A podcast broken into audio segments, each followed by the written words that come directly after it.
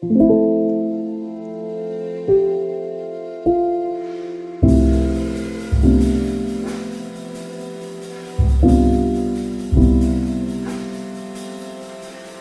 det att prata om allt? Är det till och med nödvändigt? Det här är en podcast som utforskar påståendet att hälsosamma relationer börjar med att våga säga som det är. Följ med in i en sårbart stark värld av både tårar och skratt. Varmt välkommen till Pingst Relationer.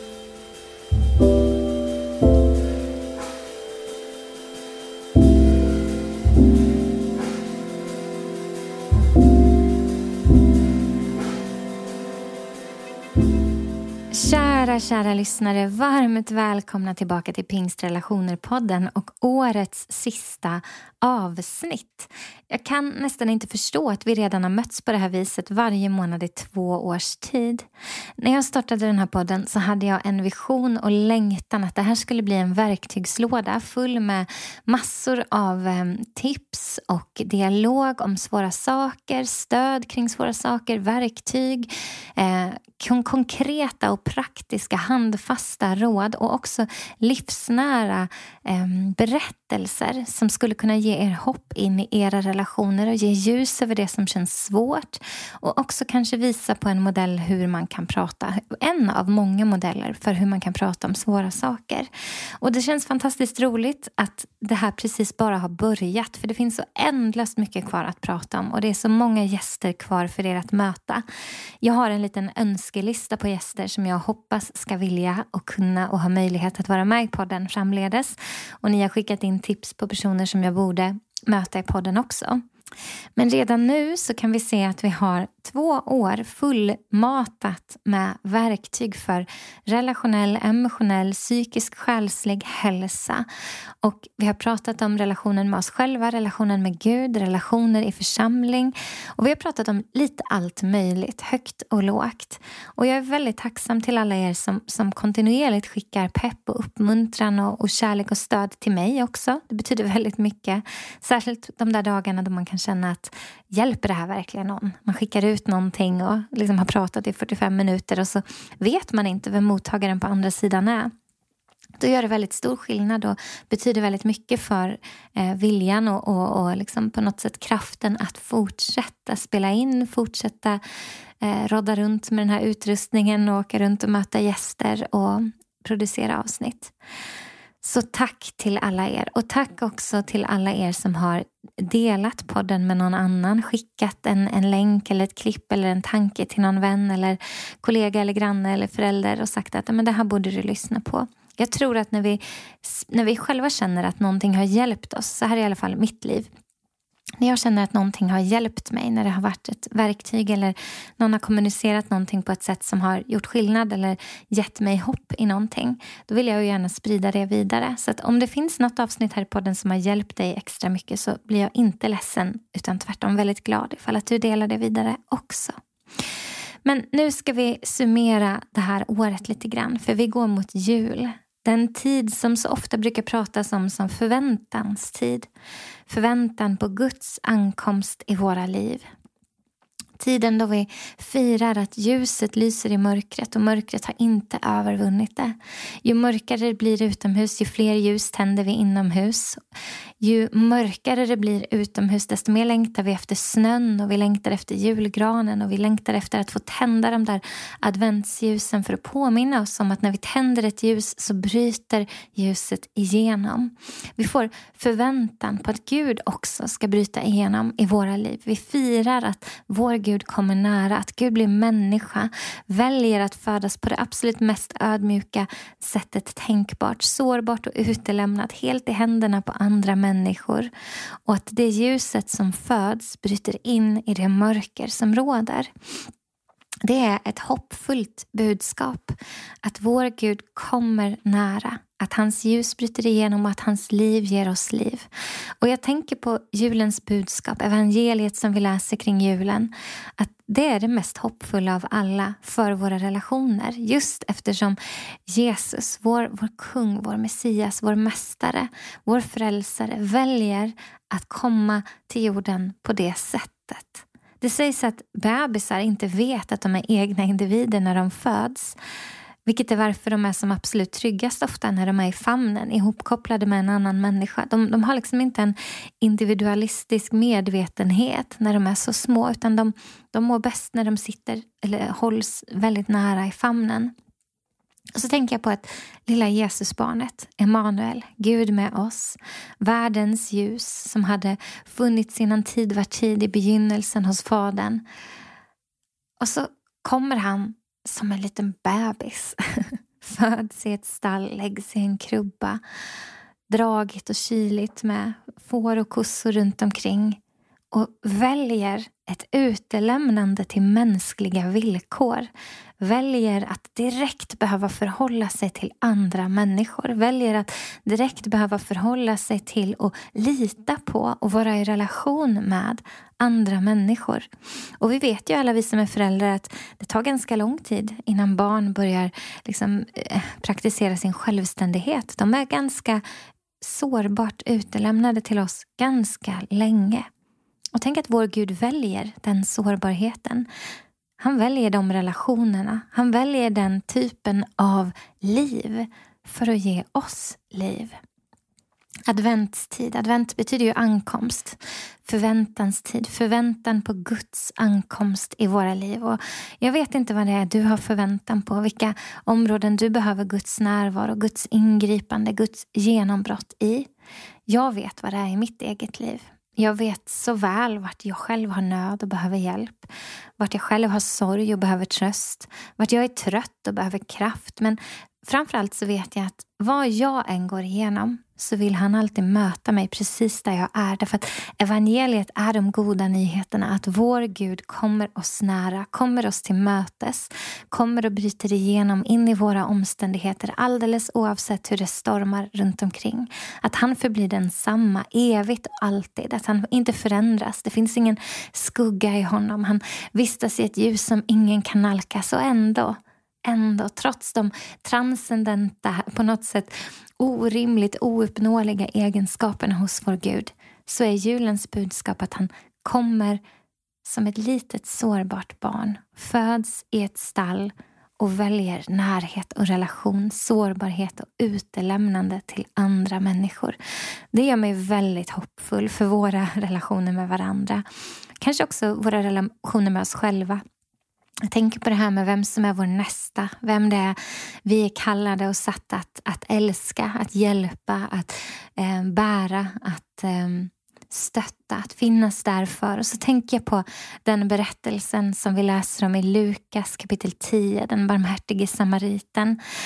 Jag tror jag läser den faktiskt. Det kan vara fint så här i juletider att få läsa Guds ord. Då står det så här i, i Lukas 10 jag läser från vers 25. Det står det så här. En laglärd som ville sätta honom, alltså Jesus, på prov reste sig och sa Mästare, vad ska jag göra för att vinna evigt liv? Jesus sa, vad står det i lagen? Hur lyder orden? Han svarade, du ska älska Herren din Gud av hela ditt hjärta och med hela din själ och med hela din kraft och med hela ditt förstånd och din nästa som dig själv. Jesus sa, det är rätt. Gör det så får du leva. Och för att visa att han var rättfärdig sa mannen till Jesus, och vem är min nästa? På den frågan svarade Jesus så här. En man var på väg från Jerusalem ner till Jeriko och blev överfallen av rövare. De slet av honom kläderna och misshandlade honom och sedan försvann de och lät honom ligga där halvdöd. En präst råkade komma samma väg och när han såg mannen vek han åt sidan och gick förbi. På samma sätt med en levit som kom till platsen. När han såg honom vek han åt sidan och gick förbi. Men en samarier som var på resa kom och fick se honom ligga där och han fylldes av medlidande. Han gick fram och hällde olja och vin på såren och förband dem. Och sedan lyfte han upp honom på sin åsna, förde honom till ett värdshus och skötte om honom. Nästa dag tog han fram två denarer och gav åt värden och sa sköt om honom och kostade mer ska jag betala dig på återvägen. Vilken av dessa tre tycker du var den överfallne mannens nästa? Han svarade, den som visade honom barmhärtighet. Då sa Jesus, gå du och gör som han.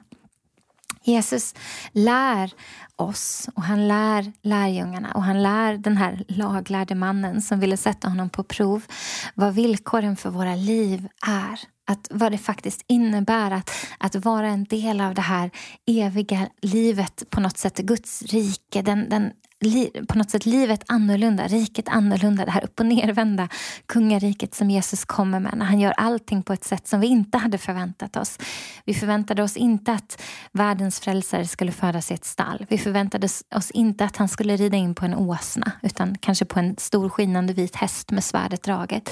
Vi förväntade oss inte att han skulle gå korsets väg utan kanske eventuellt svärdets väg. Vi förväntade oss en stor, stark politisk ledare, en regent som kunde vända upp och ner på orättvisor och så får vi den ödmjuke konungen som tvättar våra fötter och lär oss att den som vill bli störst ska vara de andras tjänare. Ni ska bära varandras bördor, ni ska hjälpa varandra. Så som jag har älskat er, så ska ni älska varandra.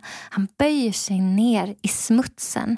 Och i den här berättelsen så lär han oss att det eviga livet på något sätt, att, att, frågan är ju det, ja, men vad ska jag göra för att få evigt liv? Och vi vet att det eviga livet beskriver Jesus i Johannes evangelium som en relation. Att känna Fadern och honom som Fadern har sänt. Det är det eviga livet. Relationen, att, att inkluderas och komma in i den gemenskap, den relation som är treenighetens mysterium och som du och jag är inbjudna att få vara en del utav. Men också inbjudna att gestalta i våra relationer. Ett deltagande i den kärleksrelation som har varit innan tid var tid det eviga livet verkar vara någonting som är kanske det vi läser om i bergspredikan. Det här livet annorlunda, riket upp och ner. Att ett deltagande i någonting som inte ser ut som vi hade förväntat oss det. Och ändå är det Guds ankomst i våra liv, att älska vår nästa. När Jesus ber för oss i Johannes 17 så säger han att jag ber att min härlighet ska vara ibland er, för då ska världen tro. Och så tänker jag på när Mose bad att få se Guds härlighet ber att hans, hans härlighet ska uppenbara sig för honom och då är det Guds godhet och Guds nåd och Guds barmhärtighet som passerar förbi honom. Det är liksom Guds egna karaktärsdrag som manifesteras och visar sig för honom. Så när Jesus ber att hans härlighet ska vara mitt ibland oss, då ska världen tro. Så tror jag att han pratar om det här, just det här, hur vi älskar varandra, hur vi bär varandras bördor, hur vi är varandras nästa, hur vi visar oss för varandra och låter oss vara sårbara för varandra. Hur vi deltar i varandras liv, hur vi bär varandras bördor. Hur vi, eh, men hur vi blir diakoner och själavårdare och blir näste till varandra. Då på något sätt deltar vi i det här livet som, som är väldigt annorlunda. Men så tänker jag att kanske är ganska lätt för några av oss att tänka att ja, men jag kan vara någon annans näste. Jag kan vara den där som förbinder såren och, och skänker en slant och hjälper någon att komma in på ett härberge eller vad det nu kan vara. Men så funderar jag på hur ofta vi kan se oss själva som den där som ligger utslagen på vägen. Därför att den barmhärtige samaritens budskap det är inte bara vem är din näste? Utan Jesus säger älska din nästa som dig själv. Och vi vet att kärleken utgår ifrån Gud. Gud är kärlek och vi älskar därför att han först har älskat oss. Det som kommer först är att Gud har älskat oss. Att kärlek var innan tid var tid. Kärlek valde att skapa dig och mig, älska oss, skapa oss för att få älska oss. Och så kallas vi in i ett liv i kärlekens gemenskap där vi kan älska Gud på något sätt för att han först har älskat oss. Vi kan älska vår nästa för att vi först har tagit emot den kärleken som är till oss också. Och vi kan bara se varandra rätt när vi ser varandra genom medmänskligheten och kärlekens glasögon som suddar ut gränser och olikheter och gör att vi alla på något sätt blir ett. Det är Jesus bön och det är min bön också för Guds församling och Guds folk i en tid som är så stormig med all splittring och polarisering så mycket förvirring och oro och nöd så är faktiskt det här kärleksbudskapet fullständigt radikalt. Att älska sin näste som sig själv, att det faktiskt finns evig kärlek, att det finns evigt liv. Det här året började med ja, men pandemin kom tillbaka lite grann och vi fick igen förhålla oss till ovisshetens villkor. Och sen kom kriget till Ukraina, till vårt närområde, till Europa och mycket av det som vi trodde och mycket av det som vi tänkte var självklart förändrades. Mycket av det som vi kanske hade förutsatt att så här kommer det alltid att vara skakades om därför att kriget skakade om fundament i vår tillvaro och satte oss ur kurs med så mycket som vi trodde var satt och beständigt.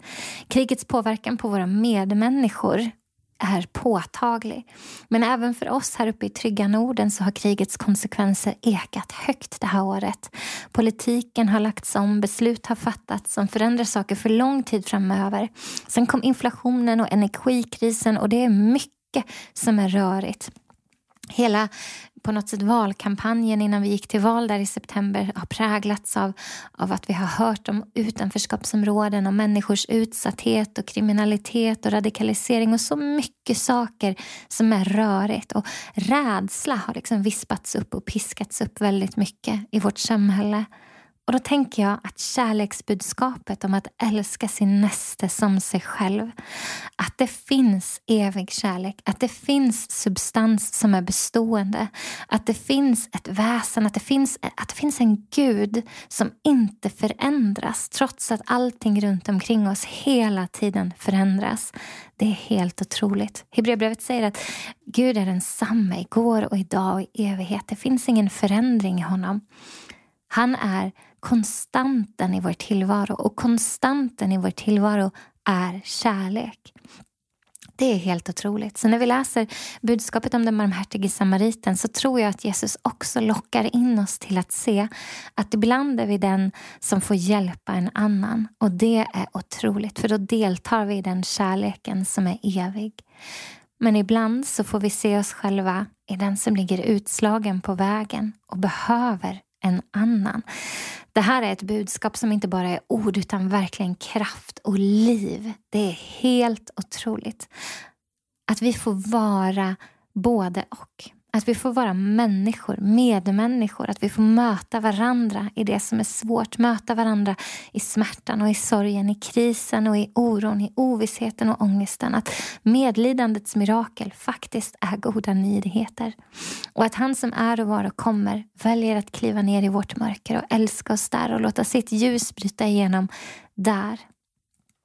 Det tänker jag är en del av det som är julens budskap. Och vi kommer mötas, vi kommer samlas runt bord, vi kommer samlas i gemenskap runt måltider och vi kommer samlas med ljus tända på bordet med julmusik och kanske kaminer som sprakar eller kanske en sån där, du vet, kamin som sprakar på en tv-skärm någonstans i rummet. Vi kommer samlas kring värme och ljus. Därför det är det vi alltid gör kring julen. Just nu när jag spelar in det här så är det 13 minusgrader utanför mitt fönster. Och jag sitter med varma tofflor och nästippen är kall därför att energipriserna är höga. Och vi kommer ändå att sätta på värmen den här julen och vi kommer ändå att samlas kring middagsbordet med ljus tända och sitta nära varandra med en extra kofta över finklänningen. Och då tänker jag på vem som är min nästa. Jag tänker på vem som är din nästa. Jag funderar på vem vi skulle kunna åka ut och besöka den här julen. Vem vi skulle kunna komma med en uppmuntrande kasse av mat och kanske julklappar till. Vem vi skulle kunna ringa ett videosamtal till. Vem vi kanske bjuder in till vårt bord att sitta och få delta i den gemenskapen som ger värme och hopp om att vi inte är ensamma, om att vi behöver varandra. Att vi faktiskt också är kallade till ett utelämnande och ett sårbart förhållningssätt till andra människor. Att vi också är som tryggast när vi är ihopkopplade med andra människor, precis som vår frälsare. Så vi går mot jul och det här är årets sista avsnitt. Och när det nya året börjar så kommer vi att ha massor av spännande gäster. Vi kommer gå in i massa krångliga teman igen och vi kommer prata om saker som är svåra. Men här och nu i den här stunden så vill jag bara stanna upp tillsammans med dig och önska dig Guds rika välsignelse in i allt det som du står i, in i allt det som du kämpar med, in i alla dina relationer, i alla livets situationer, över din ekonomi, över din familj, över dina vänner, över ditt jobb, över din skolgång, över allt det som du står i så önskar jag dig Guds närvaro. Och jag önskar dig Guds närvaro både som ett genombrott som förändrar saker som är svåra men också som närheten av hans medlidande, hans tröst, hans omsorg och hans frid mitt i det som är tufft. Jag är så glad att ni är med mig på den här resan och jag ser så mycket fram emot att mötas i det nya året. Tänk att den nåd som är ny varje dag också är ny när vi går mot 2022s avslut och kliver in i ett nytt år av förväntan på Guds ankomst i våra liv, i våra relationer. Tusen tack att du har lyssnat. Jag ser fram emot att mötas snart igen.